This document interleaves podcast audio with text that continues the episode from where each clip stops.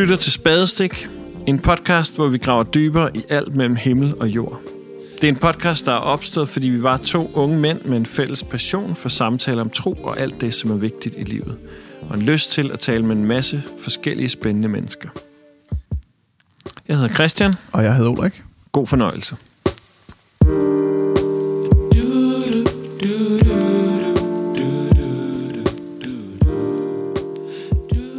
Jamen, øh, velkommen til dig, Charlotte Rørt. Dejligt, du vil være med. Tak skal I have. Øhm, vi har rigtig lang tid haft lyst til at, øh, at have dig med, fordi at jeg synes, når jeg hører dig tale, øh, så bliver jeg altid klogere. Og det er jo et, øh, et lidt et pres at lægge på dig. Men vi har også talt om det undervejs i en episode, øh, dengang vi talte med Henrik Holmgaard om tro og tabu og sådan noget. Øh, så, så var vi inde på, at at din historie, den, øh, den er interessant øh, i den sammenhæng. Det er ikke helt det, vi skal tale om, fordi vi skal faktisk i dag sådan berøre et af de, et af de tunge emner, som, som er sorgen, og som, som er, hvordan vi lever med den. Øhm, Men det er også det, min tredje bog handler om. Ja. Altså delvis, ikke? Så det, ja. og, du, og du siger din tredje bog, og jeg tænkte, at for på en eller anden måde at introducere dig for vores lyttere, der vil være nogen, der, der kender dig, og nogen, som ikke kender dig så godt. Øhm, den første bog, du skrev, den hedder Jeg mødte Jesus. Kan du måske kort lige fortælle, hvad, hvad er det for en historie, du, du fortæller i den bog? Jamen, det er min egen sådan febrilske, meget vilde historie, som øh, begynder i november 2008, hvor jeg begynder at have nogle oplevelser, som viser sig at strække sig over en halvanden års tid. Øhm, og de, øh, de består af, jeg får lys i panden og besvimer øh, ude foran mit, øh, mit, lille, mit lille nedlagte landbrug i Rold. Øh, mm. Jeg har to møder med Jesus, hvor han står foran mig og taler med mig. Og så har jeg en hel serie øh, oplevelser, som sådan er meget fysiske, med mm. rystelser, og hvor jeg ser aura om folk, og hvor jeg får lyn ud af fingrene. Og øh, jeg var jo fuldstændig uforberedt på de her oplevelser. altså, jeg har aldrig haft øh, noget som mm. helst med spiritualitet at gøre. Så, øh, så det var vildt overraskende, og, øh, og krævede jo også en, en masse hjælp fra mange mennesker. Mm. Så jeg begyndte jo med det samme, jeg kom hjem. Nogle af oplevelserne foregik i Spanien, og nogle af oplevelserne foregik hjemme, hvor vi boede i Rold, øh, nede i Himmerland. Så jeg ringede jo rundt og talte med nogle kloge mennesker. Altså præster, videnskabsfolk, øh, alle mulige forskellige, for mm. at få hold på, hvad det var, der skete.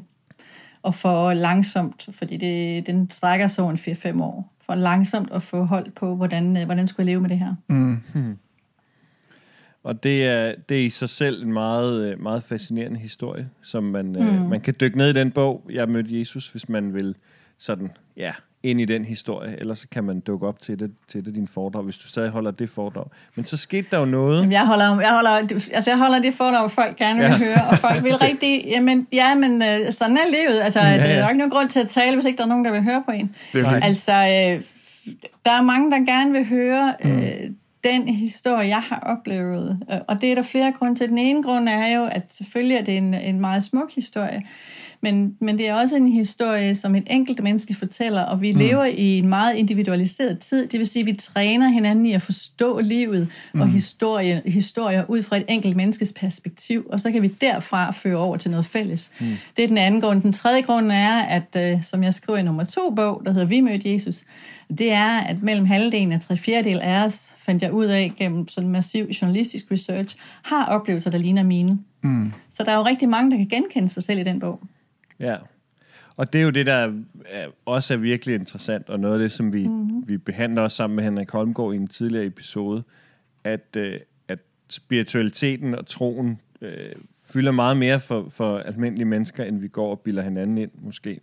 Øhm, og du fik... De har i hvert fald mange flere oplevelser. Ja. Altså, det er svært at sige, at spiritualiteten ja. og troen fylder mere, fordi allerede der, der er du ude i, hvordan ja. lever vi med de oplevelser. Mm. Og det i det øjeblik, at, at vi ved, at halvdelen og tre mellem halvdelen og tre fjerdedel af os har de her oplevelser, så siger det sig selv, at vi lever med dem på utrolig forskellige måder.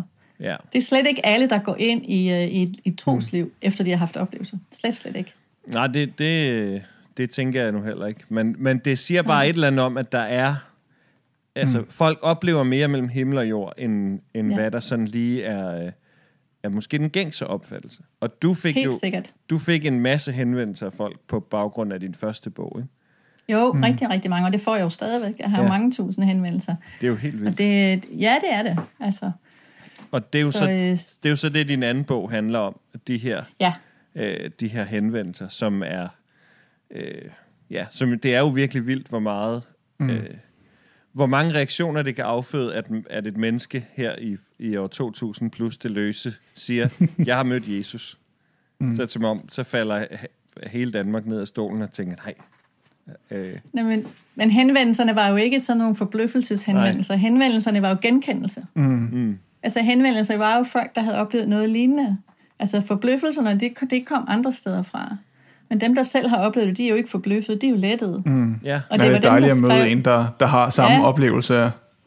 Ja, eller en, som åbner munden, ikke? Altså, mm. og, og, og taler om det og skriver om det. Mm. Og så har jeg jo også, gør jeg jo også rigtig meget ud af, at øh, der findes ikke en måde at leve med de her oplevelser på. Mm. Altså, og at øh, øh, oplevelserne er ligesom, de er ligesom, hvad det er, dem har man ikke herover, og de kommer.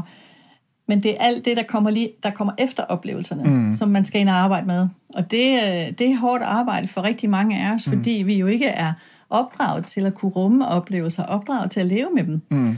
Det er vi jo ikke. Og de mennesker, der er opdraget til at leve med dem, de er måske opdraget til at leve med dem på en bestemt måde, til at leve bestemt med nogle bestemte mm. oplevelser. Og når de så får oplevelser, der kolliderer med det, de har fået at vide af rigtig gode oplevelser, for eksempel i, i deres kirke, så går det altså virkelig galt for dem. Og så bliver mm. de dybt ulykkelige og har det rigtig svært. Bestemt. Ja. Så, så der er, øh, vi starter den her episode med to opfordringer til, øh, til bøger, man kan dykke ned i. Jeg mødte Jesus, og vi mødte Jesus. Men, øh, men så Ja. kommer vi til bog nummer tre, som er den, øh, vi skal tale om i dag. Øhm, Ja. Gud, du er jo lige her. Øh, hvad, hvad, hvad er det for en bog? Hvad er det, du behandler i den?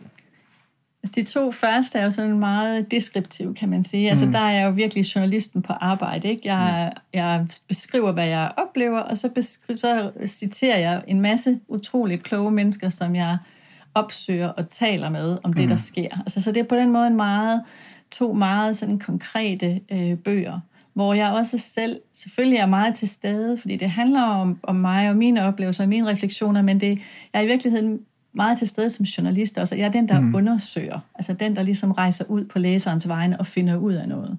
Og noget af det, jeg finder ud af, er noget, jeg også selv oplever. Men det er ligesom den måde, jeg beskriver det på. Mm.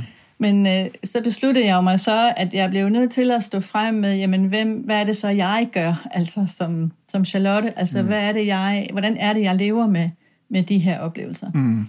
Og øh, det handler den tredje bog om, øh, og konklusionen er jo, ligesom på forsiden af billedet, jeg bare står ude i min baghave, at Gud er jo lige her. Mm.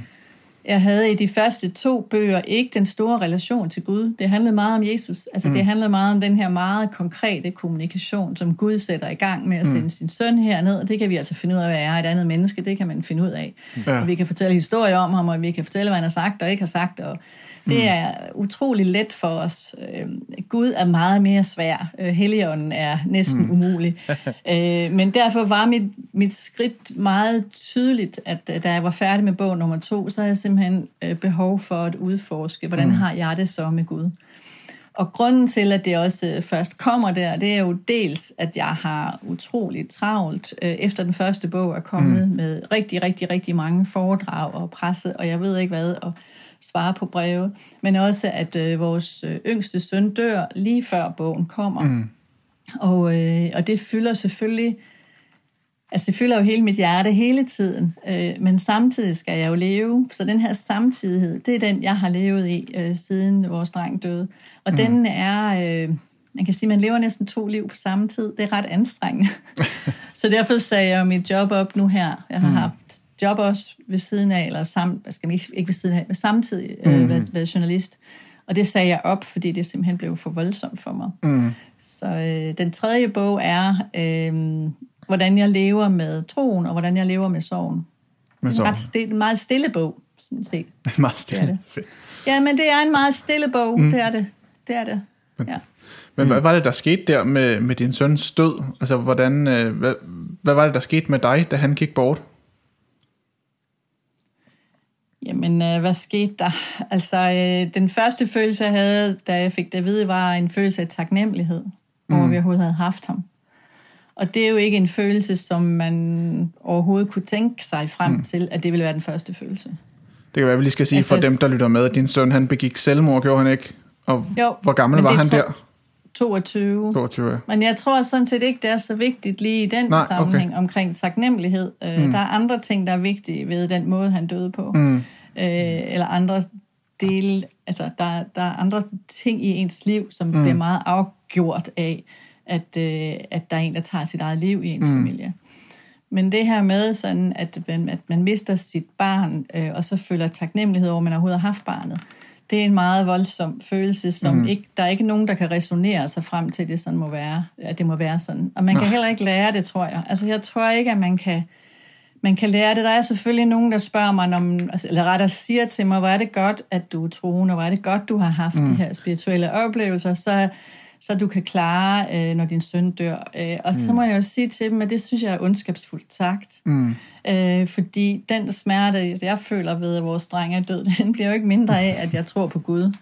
Øh, men der er mange, der laver sådan et regnestykke, mm. og, og ligesom siger, når man har oplevet en masse dårligt, øh, så har man også oplevet en masse godt, og så går det op. Øh, men jeg ser altså ikke hverken livet eller Gud som sådan et, øh, et, et regneark, hvor det mm. sådan skal gå, gå op til sidst. Mm. Og det er heller ikke det, min sidste bog handler om. Altså, den handler jo om, at, at man lever i rigtig mange følelser på samme tid. Mm. Altså, man kan godt både være fyldt med taknemmelighed og være sindssygt plaget af smerte og sorg på samme tid. Mm. Faktisk bliver man nødt til at være det. Mm. Øhm, og det gør man, når man har mistet et barn. Altså, mm. man kan jo ikke melde sig ud af livet. Eller det kan man godt, men, men det er der faktisk ikke ret, ret mange af os, der ønsker at gøre. Ja. Så øh, det, der slog mig først, var netop den her følelse af taknemmelighed, og det havde jeg ikke kunne opdrage mig selv til. Det tror jeg simpelthen mm. på. Men det er jo virkelig interessant. Altså, jeg, jeg har, jeg har stusset over, at du bruger det her ord samtidighed, øhm, og sådan mm. a, a, i andre sammenhæng. Og for mig så er det, det er sådan en virkelig præcis beskrivelse af, hvordan jeg oplever at være menneske. Altså, det der med, at vi er bare alt muligt på én gang. Altså, mm. Der, mm. der foregår så meget inden i os, og, og, øh, og, og det er jo sådan, altså, sorgen og glæden, og, og, og det umulige, og det mulige, og håbet og håbløse. Altså det hele, det lever bare sammen inden i en, mm. og nogle gange står noget mere frem end, end andet. Um, og jeg, jeg kunne, altså, jeg, jeg synes jo allerede, der er jo øh, 20 forskellige ting, man kunne have lyst til at, øh, øh, at tale om, men, men du siger det der med, at det, det var ikke en hjælp for dig at være troende, eller jeg ved ikke, om jeg lægger ord i munden på dig, men sådan, øh, hvad, hvad, hvad var øh, Gud så midt i, i sorgen?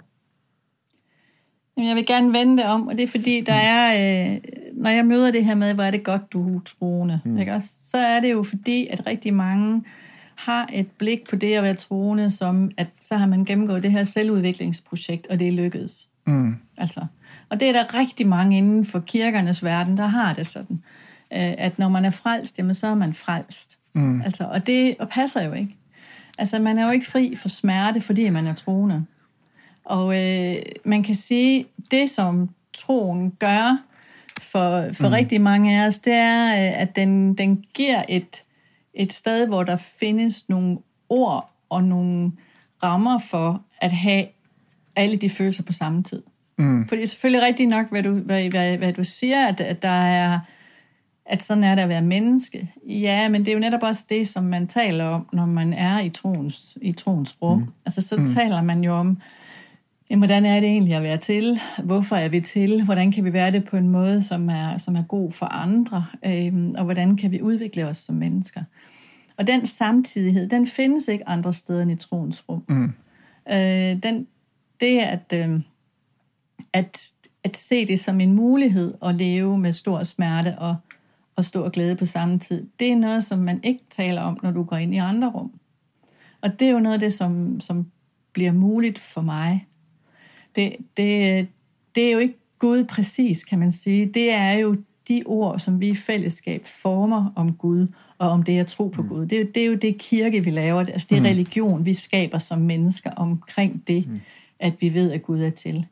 Det, det, det som, som Gud er der for mig, det er jo en, øh, et sted, hvor jeg ved, at min dreng er. Mm. Altså, øh, og at jeg kommer til at se ham igen, men jeg aner ikke hvor, og jeg aner ikke hvornår, og jeg aner ikke hvordan. Men det er ligegyldigt for mig, altså fordi mit håb, som jeg i min bog her kalder et udefinerbart håb, det er jo netop udefinerbart. Mm. Altså der er ingen, der ved, hvem Gud er. Der er ingen, der ved, hvor vi kommer hen. Der er ingen, der mm. ved, hvordan det sker. Øh, og der må vi bare stole på, at det bliver godt. Altså. Mm. Og, det, og det kan jeg hvile i, men det kan man ikke... Jeg, mm. jeg ved simpelthen ikke, om man kan lære det. Altså jeg har jo ikke lært det, jeg har jo fået det foræret. Mm. Og jeg kan jo ikke sige, hvordan, øh, hvordan jeg havde levet, hvis, hvis ikke jeg havde fået det foræret. Altså jeg har jo ikke kunne leve de sidste 10 år om igen, altså uden min, mm. mine oplevelser, vel? Så jeg har jo ikke noget at sammenligne med. Mm. Nej, det kunne være svært. Hvad mener du med, at du siger, at du har fået foræret det? Altså er det håbet, Jamen, du det har fået foræret? Jeg jo, jamen igennem de oplevelser, som mm. jeg havde, der fik jeg jo en vidshed foræret for, at Gud er til. Mm. Så det har jeg jo ikke behøvet at skulle vælge at tro på. Altså min trosrejse var et nanosekund. Mm.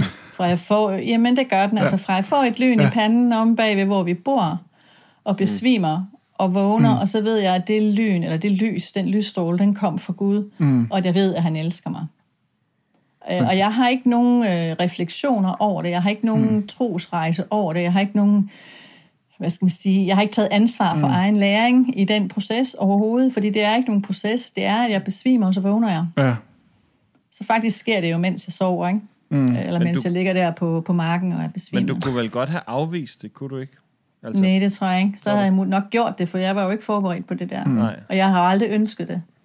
Jo, det var meget sådan en Paulus-lignende øh, oplevelse, ikke? Og bare blive ja, mødt det... midt i ingenting. Øh. Men du siger men det her med... Men Paulus, at... men Paulus altså det, det ja. er det så alligevel ikke, vel? Fordi Paulus' oplevelse, den er fysisk meget mm. lige, fuldstændig lige.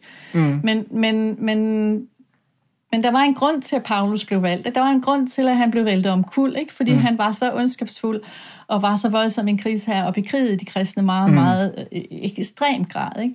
Så der var ligesom en forklaring, der fulgte med, ja. og den har vi alle sammen, når vi har lært den. Og det har jeg selvfølgelig også lært. Jeg har jo ikke mm. opdraget mm. kirkeligt som i overhovedet ikke. Jeg har, ikke, jeg har gået på en socialistisk privatskole, jeg har ikke noget, men jeg har mm. altid været kulturelt dannet. Ja. Så, så selvfølgelig kender jeg de historier. Men der var bare ikke nogen grund til, at det er sket for mig. Mm. Okay. Der var ikke nogen grund til det.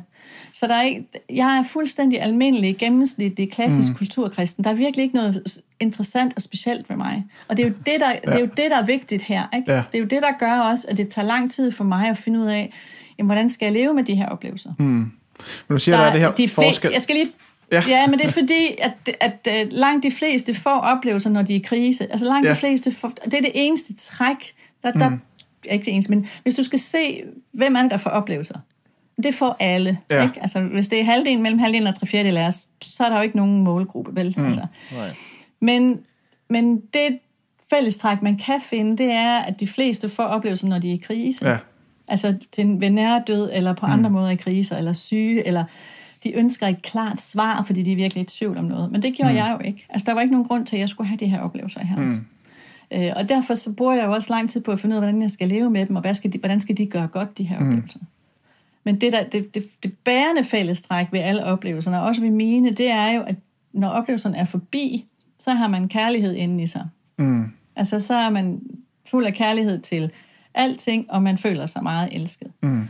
Og det er jo selvfølgelig den, den følelse af at være elsket af Gud, det er jo der Gud er, også mm. når min dreng dør. Mm.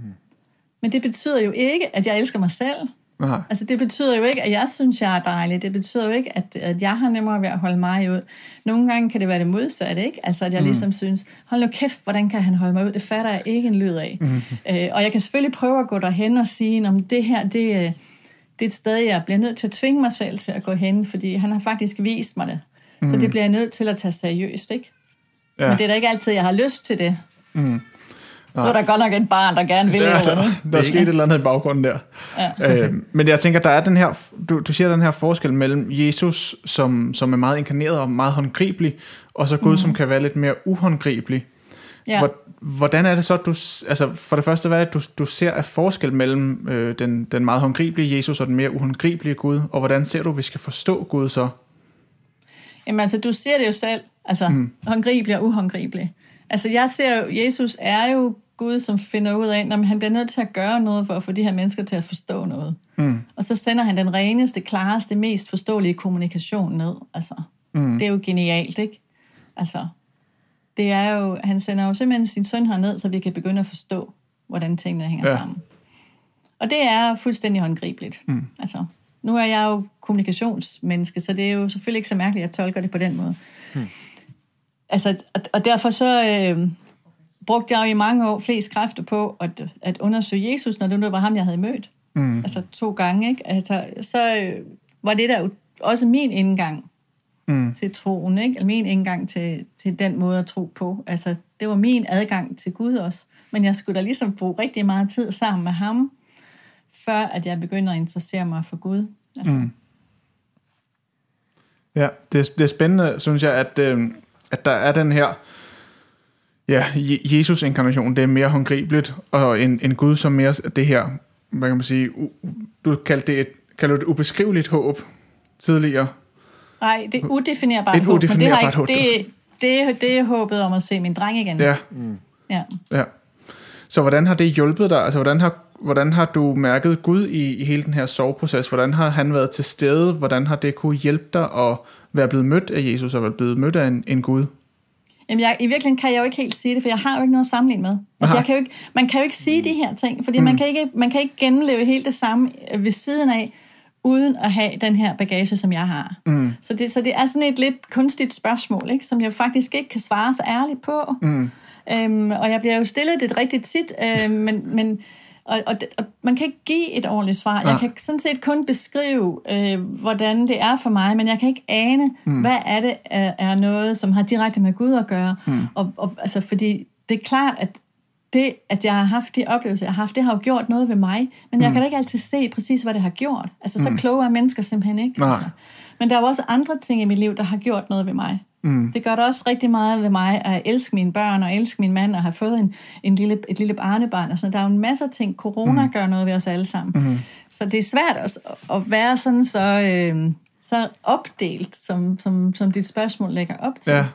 Men, og, og, det, og det, jeg synes også, det, det, det kan blive sådan, at man begynder at se troen som sådan et, øh, sådan et værktøj. Ikke? Mm. Og hvis du så lærer at tro på Gud, hvis nu du virkelig lærer det, ikke? Mm. og virkelig lærer din lektie, så får du det meget nemmere, når der sker det og det. Ja. Så vil Gud være der for dig, når det er sådan og sådan. Jamen, mm. så enkelt er det bare ikke.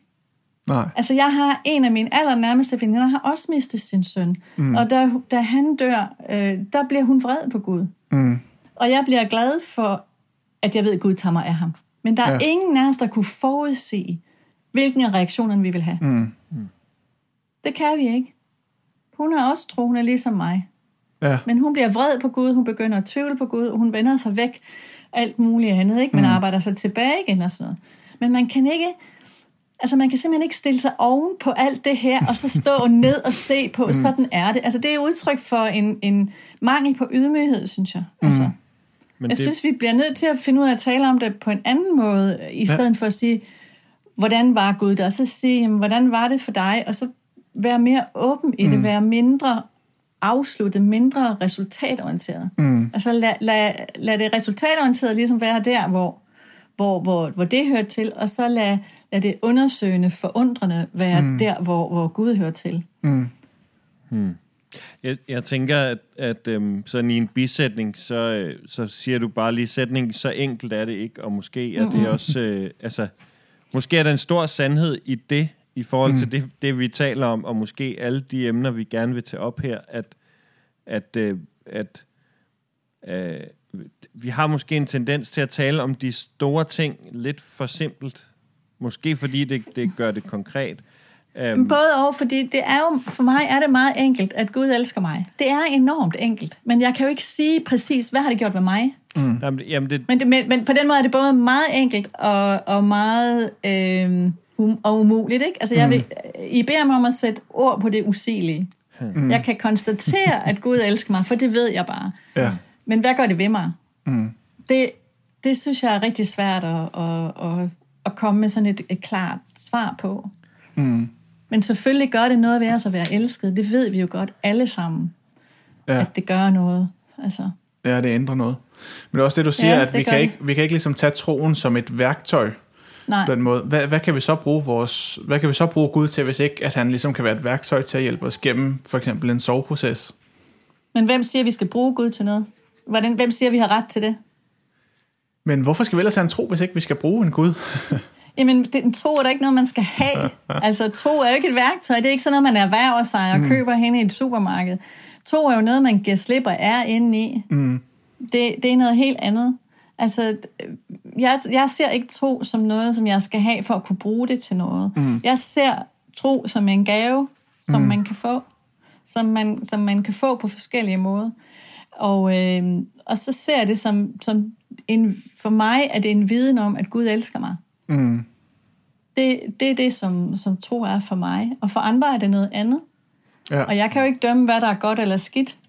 Mm. Men jeg synes, det er en fejl at se det som, som noget, som vi har brug for, og derfor skal lære os. Altså, mm. Man kan sige, at det, vi har brug for i samfund som vores, det er nogle, det er nogle leveregler for at kunne opføre os ordentligt over for hinanden. Mm. Men det er det, religionen er.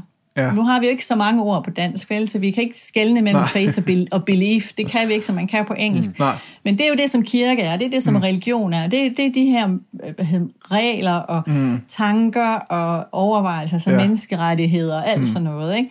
Det, som, som jo er helt vigtigt for vores øh, måde at være sammen på. Mm. Men selve troen, altså selve det, som er kernen i troen, altså selve det, som er min lodrette relation til Gud, Mm. den er jo ikke vandret og har sådan set i grove træk ikke noget med hinanden at gøre. Mm. Men det har det alligevel, fordi det, at jeg er elsket af Gud, gør, at jeg ved, at det er alle andre også. Mm. Og det giver jo en helt anden måde at være i verden på. Mm. Men det gør mig jo ikke nødvendigvis til et sødere og dejligere og mere vidunderligt menneske. Det kan jeg jo ikke vide, og det kan jeg jo slet ikke dømme om. Nej. Så, det så ikke jeg oplever jo heller ikke, at, øh, at alle troende nødvendigvis er de rene engle, vel? Altså, det gør man jo ikke. Altså, det ved I jo også For, godt. ja.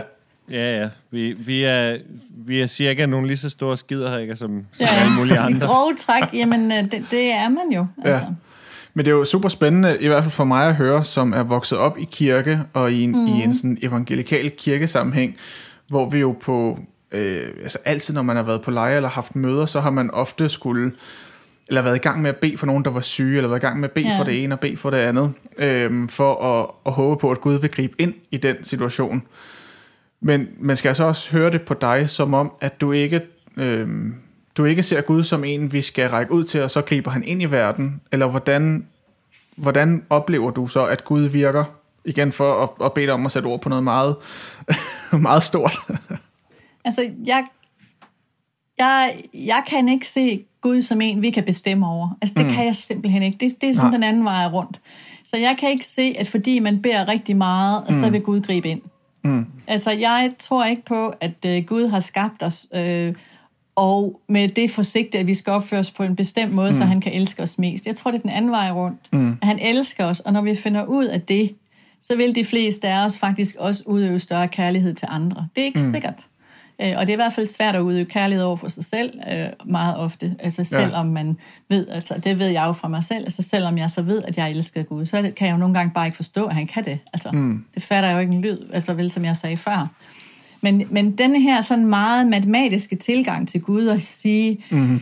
at hvis nu, man, hvis nu man beder rigtig meget, mm. hvis nu man går rigtig meget i kirke, ja. så vil Gud også give en rigtig meget. Mm. Jeg mener simpelthen, det er at gøre Gud for lille og gøre mm. det der. Fordi vi er ikke herre over ham. Og det er det, man kan komme til at gøre sig lidt til, Mm. når man laver de Ja. her meget strikte ja. regler. Ikke også? Ja. Men der er jo det i det, at hvis man, hvis man bærer meget, hvis man bruger meget tid på at være mm. i et nærvær med Gud, så kommer han til at fylde mere. Og så tror jeg også, at man kan arbejde sig hen imod af den vej, altså mm. af bøndens vej, til at få den her vidshed ind i sig, for at man faktisk er elsket af Gud. Mm. Og så kan det komme. Men det, men det har ligesom nogle trin. Mm. Det er ikke sådan et, øh, at gå hen til en kasse og lægge nogle penge, og så få en vare med tilbage. Nej. Altså, det er det ikke. Og, og, og jeg synes, jeg synes, der skal mangle lidt ydmyghed, hvis man, hvis man ser det på den måde. Fordi så er det jo faktisk, at man kan styre Gud, ikke? Ja. Mm. Og det mener jeg faktisk, Helt det klart, mener jeg ja. ikke, vi mennesker, vi kan. Der er jo, der er jo nogen, der mener, at, øh, at, at Gud, Gud forstår alle former for videnskab, men, men inden for matematikken, så er der en ting, som Gud ikke forstår, og det, det er lighedstegnet. Altså Guds, mm. Guds regnstykker, de fungerer bare ikke på den mm. måde, mm. at man kan putte noget ind, og så, kommer der, så ved man, hvad der kommer ud på mm. den anden side.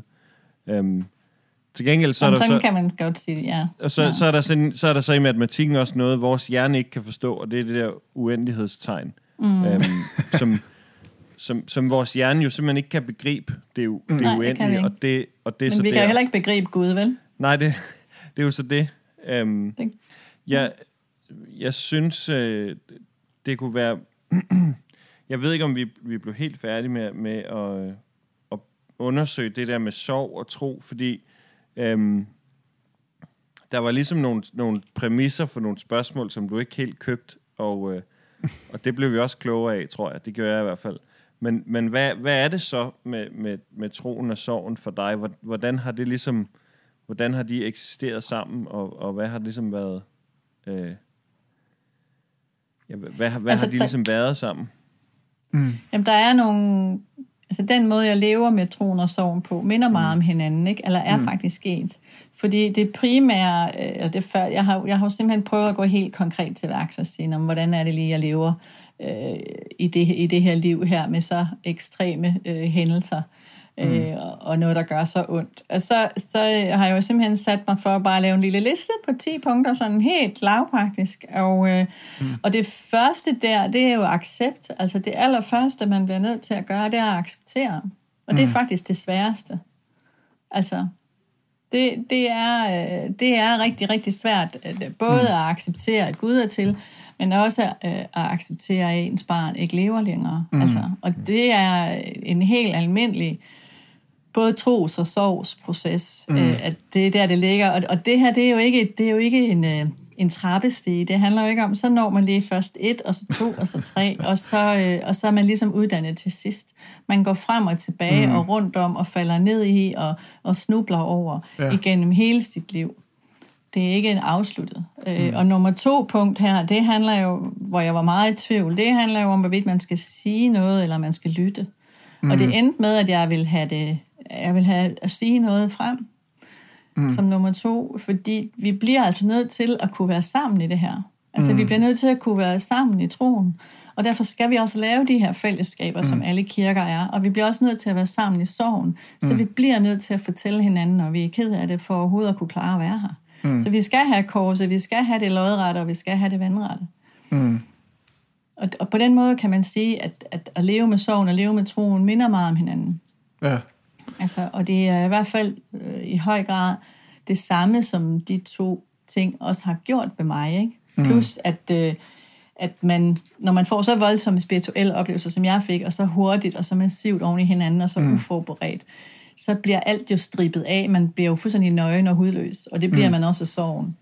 Øhm, og jeg har det jo sådan nu, altså jeg bliver jo rigtig ked af det rigtig tit, mm. men der er ikke nogen, der rigtig kan nå mig øh, på den måde, at gøre mig endnu mere ked end jeg er i forvejen. Altså jeg er jo så ked af det, som man kan blive, så, så jeg bliver jo frygtløs. Folk kan jo bare komme an. Det passer jo ikke helt, fordi selvfølgelig bliver jeg påvirket af, ja. at, øh, at folk de... Øh, de roser, eller, eller, eller, eller chikanerer, eller, eller kritiserer mig. Altså, selvfølgelig mm. gør jeg det. Men, øh, men når jeg trækker mig tilbage, sådan ligesom og tænker over tingene, så, øh, så betyder det ikke noget. Altså, mm. så, er det, så er det min nærmeste, der betyder noget. Mm. Altså. Det bliver meget tydeligt. Ja, du siger også, det, det, det er vigtigt at få, at få sagt noget. Altså få mm. det ud, og det at sætte ord på det. Øh, både på, på troen og på, på sorgen, eller hvordan. Altså, det behøver ikke kun at være ord. Altså, det, det, det kan jo også være musik, eller, Mm. eller kunst, eller dans, mm. eller noget andet, men at man er sammen, altså at man er, man er fælles om det. Ikke? Mm. Altså, fordi det er jo det er jo meget almindeligt at have oplevelser, og det er meget almindeligt at miste et menneske, man elsker. Ja, Altså, øh, der, man skal ikke være ret gammel, før man har mistet nogen, som betyder meget for en. nej. Og øh, langt de fleste, eller ikke langt de fleste, det passer simpelthen ikke, hvad jeg siger, men der er mange, som, som, øh, som har svært ved at acceptere det. Mm. Altså, Ja, så er det svært ved at øh, acceptere sin egen, sin egen sorg, eller hvordan. nej, acceptere, at, at, at dem, de elsker i virkeligheden, ikke er her. Mm. Altså, Ja. Mm. Og, eller ikke er lige her, men øh, og, og jeg har ikke funderet ret meget over min egen dødelighed, fordi mm. altså, når man har mistet sit barn, så, ligesom, så vil man jo egentlig lige så gerne være sammen med ham, som vil mm. være sammen med yeah. de børn, der lever her stadigvæk. Ja. Så derfor min egen dødelighed er ikke særlig interessant. Altså. Mm. Og det er jo noget, som er meget specifikt for dem, der har mistet børn. Ja. At, øh, at man, vil, man vil egentlig gerne dø, man vil egentlig gerne være sammen med dem. Ikke? Mm. Og det er jo selvfølgelig ikke noget, som andre skal gå og tænke på og tænke over. Mm. Men det er jo også noget af det, som, som kommer frem, og som er tilladt, at det kommer frem i troen. Mm. Der har man jo Maria, som man kan, man kan tale med, og man, man kan se sig selv med i. Ikke? Ja. Altså, Hvordan det, tænker du? jamen, hun, jeg har jo bare oplevet det samme som hende. Altså, at miste, miste min store dreng. Ikke? Mm. Altså, men hun lever jo videre, altså, men på en helt anden måde. Ja. Det er jo Vi- den fortælling, vi får om hende. Ja. Jeg, jeg kom bare til at tænke på, her i sommer, der mistede øh, jeg min farmor, øh, som har været ja. Syg længe, og her den, den sidste periode af hendes liv, der havde jeg plejeoverlov og var nede og var sammen med hende de fleste dage i løbet af ugen, øh, og lærte en hel masse om hende, og, mm, og kom meget tæt på dejligt. hende. Ja, det var, det var fantastisk godt. Øhm, men hun, hun har været kraft, hun fik seks måneder at leve i for otte år siden, eller sådan noget, den dur, så Ja. hun har jo levet rigtig længe med sin kraft. Og noget af det, der virkelig holdt hende ved liv, det var at være, være sammen med mennesker. Altså hun elskede mm. at have mennesker og have børn og så videre på besøg. Så til sidst nåede vi faktisk sådan et lidt absurd stadie, hvor at det, at jeg var i plejeoverlov, var det, der holdt hende i live. Så Ja. for at hun skulle kunne komme videre og få fred, så blev jeg nødt til lidt at stoppe min plejeoverlov. Og så gik der jo et par uger efter det, så gik hun bort. Mm. Og det var, det var virkelig... Øhm, det var spøjst, netop fordi det var ikke... Der fulgte ikke nogen sorg med i den proces. Jeg var egentlig glad for, at hun gik bort, fordi jeg kunne se, hvor dårlig hun havde det, mm. hvor skidt hun var. Og hun var klar, og vi snakkede meget om, at hun var, var klar til at gå videre. Men hun havde brug for det, at jeg ikke var der længere, for at kunne gå bort. Øhm, og det var egentlig en, en meget speciel oplevelse, mm. at, øhm, at træde tilbage for at lade hende kunne dø på en eller anden måde. Øh, men der følger nemlig også det her med, at jeg blev mere ramt af en, en taknemmelighed over, at hun får fred, og hun kommer, kommer videre, end over at miste hende. For hun har levet mm. sit liv, og hun har givet alt det, hun kan i, i verden her. Ikke? Det er selvfølgelig en helt anden situation, fordi hun er 85 mm. år gammel, og, og det, det er klart noget andet. Men, men jeg kan godt relatere til det her med, at der var mere en taknemmelighed, end der var en, en sorg i den proces der. Jamen, det er da en dejlig, mm. dejligt, at I, at I har haft det sådan. Det er da utrolig smukt. Det er da Ja. virkelig dejligt. Men det, det tænker også, der er mange derude, der måske sidder og har en, en lignende følelse, eller også kan relatere til det her med, at der er ofte en, en taknemmelighed. Øhm, og igen, nu kan du kun tale ud for, for eget eksempel, øhm, men hvordan, altså, hvordan, oplevede, hvordan oplevede du det, at du var taknemmelig? Følte du, at det var en, en forkert følelse, eller øhm, var du bare tilfreds i at være i det, eller hvordan oplevede du det, at du egentlig bare var taknemmelig over, over din sorg? Jamen, jeg går ikke ud og dømmer mine følelser. Altså, mm. heller, ikke, heller ikke andres. Altså, Nej, det kan okay. man ikke. Altså, det kan man simpelthen mm. ikke. Øhm, og, øh, og jeg har jo oplevet mange dødsfald i mit liv. Mm. Altså, jeg er snart 60. Jeg har, jeg har været tæt på mange og siddet til flere, flere dødslejre. Så, så, mm. så jeg har jo oplevet mange forskellige slags død. Øh, men men øh, nej, man, kan, man, skal ikke, man skal ikke på den måde dømme sine egne følelser eller dømme mm. andre menneskers følelser. Der er jo ikke nogen rigtig måde at sørge på.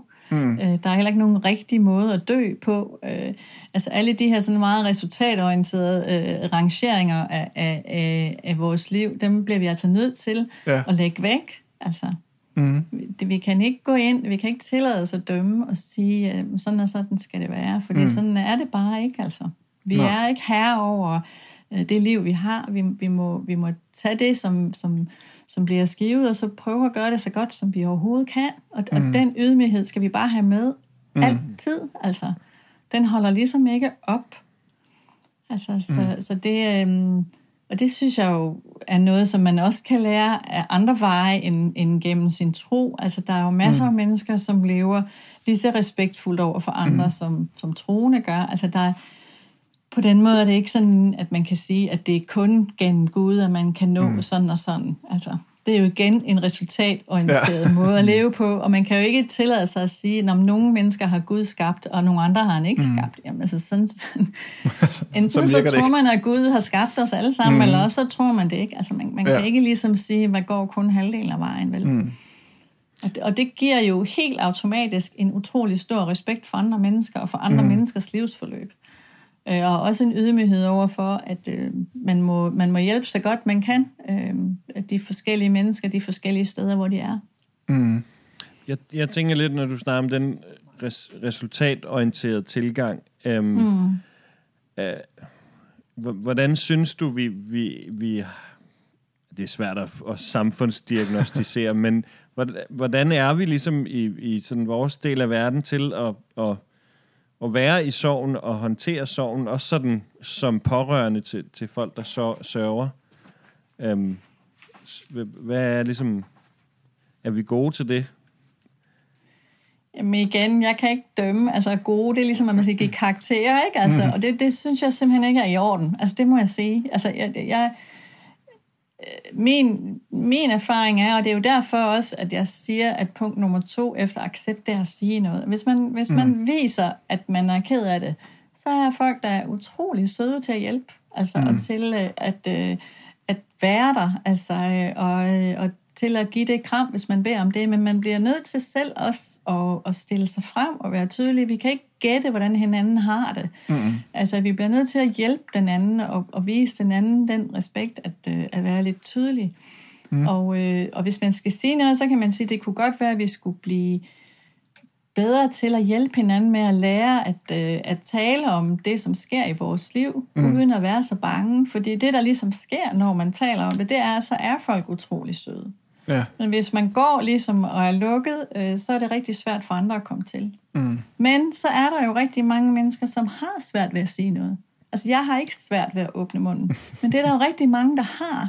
Mm. Og derfor bliver vi, der taler, så nødt til at være meget tydelige om at sige, jamen, nogle af os kan tale, mm. men andre kan ikke. Mm. Men prøv at hjælpe dem alligevel, der ikke siger noget. Mm. Altså, så er det, vi må bruge det at tale til også at fagne de andre. Mm. Men jeg har, jeg har oplevet en utrolig hjælpsomhed, en utrolig kærlighed og omsorg fra så fantastisk mange mennesker. Øh, både i, i forbindelse med min oplevelse, men også i forbindelse med, at vores dreng døde. Altså, mm. Jeg synes, de fleste mennesker er helt utrolig øh, gode og dejlige mennesker. Ja. Altså. Men det kan... Selvfølgelig kan vi da alle sammen blive bedre til alt muligt. Altså det ja, ved ja, vi da godt, vi kan. Men det der bashing med at sige, mm. at, øh, at folk er sådan og sådan, altså den deltager jeg simpelthen ikke i. Mm. Nej, det var, det var heller ikke for, for, at jeg ville have dig derhen. Det var mere for... Nej, at, altså, men vi måske... er lidt hurtige til det. Vi er lidt hurtige til at sige, at når vi taler sammen, øh, mm. om øh, sorg eller om noget andet, så taler vi om, hvor dårlige vi er til det ene, og hvor dårlige vi er til det andet. Og det, jeg, dels synes jeg ikke, det er rigtigt, og dels så tror jeg altså heller ikke på, at man får flere til at hjælpe ved at skælde dem ud, når de, når de, når, for ikke at hjælpe nok. Altså mm. det, det, det er ligesom at vende tingene på hovedet, synes jeg. Mm. Og det er det samme lidt med troen. Altså, at øh, det nytter jo ikke noget at skælde folk ud over, at det ikke er troende. Det, når man, så må man jo vise, hvordan det er, og hvordan man selv lever, og så kan det være, at de kan blive inspireret. Altså, jeg vil ikke blande mig i, om folk tror eller Jeg vil ikke forsøge at overbevise dem om det. Jeg vil ikke forsøge at omvende mm. dem øh, og alle de her ord. Jeg synes, det der handler om, det er, at man må være åben og ærlig om, hvem man selv er, og så må folk blive inspireret, hvis det er det, som, som, som de gerne vil, eller som de er i stand til, eller som de har behov for. Mm. Det vil jeg ikke dømme om. Og det gør min tredje bog heller ikke. Det er ligesom det, den også konkluderer, at, øh, at, at folks integritet, altså deres, mm. deres skabthed, er lige så øh, skal respekteres lige så meget, som jeg respekterer min egen. Mm. mm. Det er jo et fantastisk sted måske at, øh, at slutte. Um, tusind tak, fordi at, uh, at du vil være med, Charlotte. Um, Selv tak. Og jeg håber, at I tager lidt af de der børn, der løber og leger. jeg vil bare sige, at det, det er ikke sikkert, at, uh, at I, der lytter med, kan, kan høre så meget til de børn, fordi det godt at vi klipper dem ud. Men, uh, men det er, men og det er primært, det er Ulriks barn, for jeg er ikke hjemme. um, men, uh, men tak til jer, som, uh, som lytter med. Uh, og uh, igennem hele den her samtale har jeg sådan haft sådan en, uh, det er sådan en følelse af, at, uh, at, at de sådan ja, de spørgsmål, som vi kommer med, det, det, de, de bliver på en eller anden måde mødt på en anden måde, end jeg er vant til. Og, øhm, mm. og det synes jeg har været enormt berigende. Så tak for det, og tak for, for dine tak. mange ord, Charlotte. Og, øh, jeg har mange ord. Ja, det er, jo, det er jo virkelig dejligt, at du har det. Det tror jeg, der er mange, der sætter utroligt stor pris på. Men de er øhm, almindelige, alle ordene. Ja. Jeg har ikke så mange af de svære ord. um, og så tænker jeg også, altså det, det er jo på en måde, um, det, det er nogle, nogle besværlige emner, vi har haft med at gøre, og, øh, og hvis jeg skulle give en, som vi plejer her, nu bliver det så mig, der gør det i dag, øh, hvis jeg skulle give en opfordring sådan til den kommende uge, så er det, at, at hvis du kan, så, så øv dig i at tale om, øh, om livet, øh, mm. Det hele, øh, sådan, sådan som det er. Øh, og, og hvis, ikke, hvis ikke du kan, så, så øv dig måske i bare at, at, at sige højt, jeg synes nogle gange, det er lidt svært at tale. Um, mm. Og find nogle af de mennesker, som måske kan sige nogle af, af de ord for dig. Um, så tak fordi du lyttede med. Tak fordi du var med, Charlotte. Um, så tak. Vi tager altid gerne imod ris og ros og konstruktiv og alt muligt andet. Velmenende kritik og feedback. Vi høres ved. thank you